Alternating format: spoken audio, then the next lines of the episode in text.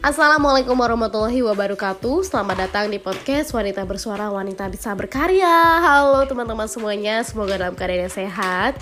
Nah hari ini aku mau cerita tentang yang namanya Platform Merdeka Mengajar nih guys. Nah jadi Platform Merdeka Mengajar atau PMM ini sempat viral Karena uh, ini dijadikan sebagai patokan Untuk guru-guru dalam uh, melakukan pengelolaan kinerjanya nih. Jadi waktu uh, awal-awal PMM ini memang uh, tidak tidak wajib ya istilahnya dibuka dengan sesuai kebutuhan kelas kita gitu kan. Terus tiba-tiba PMM ini menjadi sesuatu yang um, menakutkan bagi guru-guru yang nggak terbiasa untuk membuka PMM ini kan. Dan uh, ternyata di dalam PMM ini kita uh, melakukan yang namanya uh, pengelolaan kinerja ya. Pengelolaan kinerja ini dilihat lagi dari rapor pendidikan. Jadi nggak asal-asalan juga ya kita memilihnya sesuai dengan rapor pendidikan di sekolah kita. Misalnya rapor pendidikan kita di sekolah itu ada yang merah ada yang kuning. Nah itu perlu perbaikan nih gitu kan. Nah jadi dalam pemilihan dalam pengelolaan kinerja itu ternyata kita tidak harus mengambilnya di PMM bisa juga dari seminar atau webinar yang dilakukan di luar dari uh, eh, PMM tetapi tetap dari komunitas yang terdaftar di PMM gitu Nah jadi aku tuh merasa waktu awal-awal uh, menggunakan PMM ini tuh bagus banget gitu karena uh, muatan isinya itu sesuai dengan uh, implementasi kurikulum merdeka yang kita laksanakan. Misalnya dalam uh, asesmen, dalam uh, mengetahui numerasi, apa itu kurikulum merdeka, bagaimana penerapan um, perencanaan pembelajaran di kelas dan lain sebagainya gitu. Dan sebenarnya itu sebagai bahan acuan kita dan juga kita juga bisa berbagi atau sharing dengan guru lain dan kita dapat melihat uh, bagian inspirasinya juga dari sekolah-sekolah lain. Sebenarnya ini bagus sekali kan? Cuman ada beberapa orang yang menganggap ini sesuatu yang uh, melelahkan gitu. Sesuatu yang terlalu banyak aplikasi gitu aplikasi ono aplikasi ini. Jadi kebanyakan aplikasi jadi guru-guru pada bingung gitu loh menggunakannya. Nah di beberapa daerah sekarang sudah uh, fokus ke PMM aja. Awalnya itu ada lagi namanya e kinerja tapi dari uh, produk BKN ya. Nah kalau di tempat aku kebetulan di uh, di kota uh, di Pulau Jawa ya, salah satu kota di Pulau Jawa ini harus menggunakan e-kinerja juga dari BKN dan juga menggunakan PMM juga dari pengelolaan kerja PMM. Nantinya kan ada dua aplikasi yang harus kami uh, terus update gitu kan uh, dalam pengembangannya dan juga dalam uh, uh, e-kinerja BKN-nya gitu.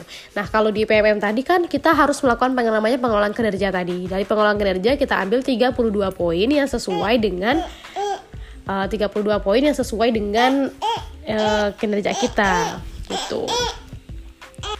Nah, jadi waktu aku uh, memilih untuk di PMM aku di pengelolaan kerja itu di 32 poinnya itu tentang keteraturan kelas.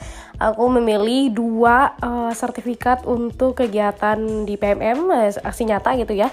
Dan uh, dua sertifikat untuk kegiatan pelatihan atau BIMTEK. Nah, ini kenapa aku ngambil uh, hal uh, apanya uh, 32 ya. Jadi istilahnya ada empat kegiatan dengan uh, dua kegiatan dari PMM dan dua kegiatan dari seminar atau BIMTEK itu. Dan itu menurut aku bisa aku capai di satu semester ini ya mudah-mudahan ya. Katanya juga di PMM juga menyediakan riset uh, uh, bentuk tombol yang di mana kita bisa mengubah sebelum disetujui oleh atasan. Tapi ketika sudah disetujui ya mau nggak mau kita harus melaksanakan itu ya. Dan di bulan Februari nanti kita mulai melakukan perencanaan dan nanti akan ada observasinya. Observasi yang dinilai itu katanya ya katanya nih. Tapi uh, kalau dari baca di beberapa literatur yang sudah dibagikan. Um, kalau untuk uh, pengelolaan kinerja yang di bagian 32 poin itu adalah pertimbangan ya. Artinya kita mengikutinya e, kalau misalkan dapat alhamdulillah. Kalau enggak ya kita berusaha lagi di semester berikutnya sepertinya kayak gitu. Tapi kalau untuk di perilaku kerja gitu kan itu harus e, di e, dinilai gitu oleh atasan kita uh, itu aja sih yang mau aku ceritain ya. Jadi kita jangan takut dan merasa uh, negatif dulu dengan kehadiran PMM ini.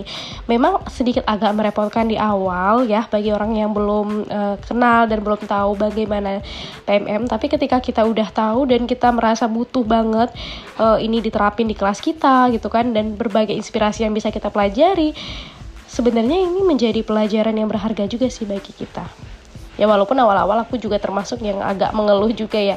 Banyak banget sih gitu kan kita nggak hanya mikirin ini doang kita tuh juga perlu belajar di kelas gitu kan.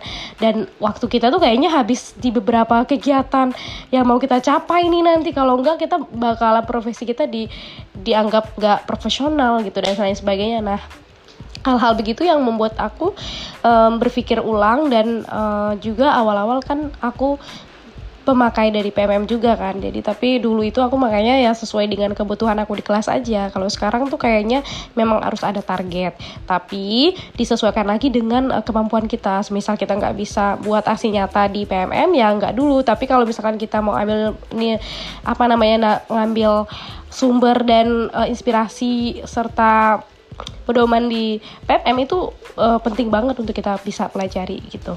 Oke, itu yang dapat aku sampaikan. Semoga bermanfaat untuk kita semua dan semangat buat guru-guru yang ingin memberikan yang terbaik untuk murid-muridnya dan jangan lupa jaga kesehatan. Wassalamualaikum warahmatullahi wabarakatuh.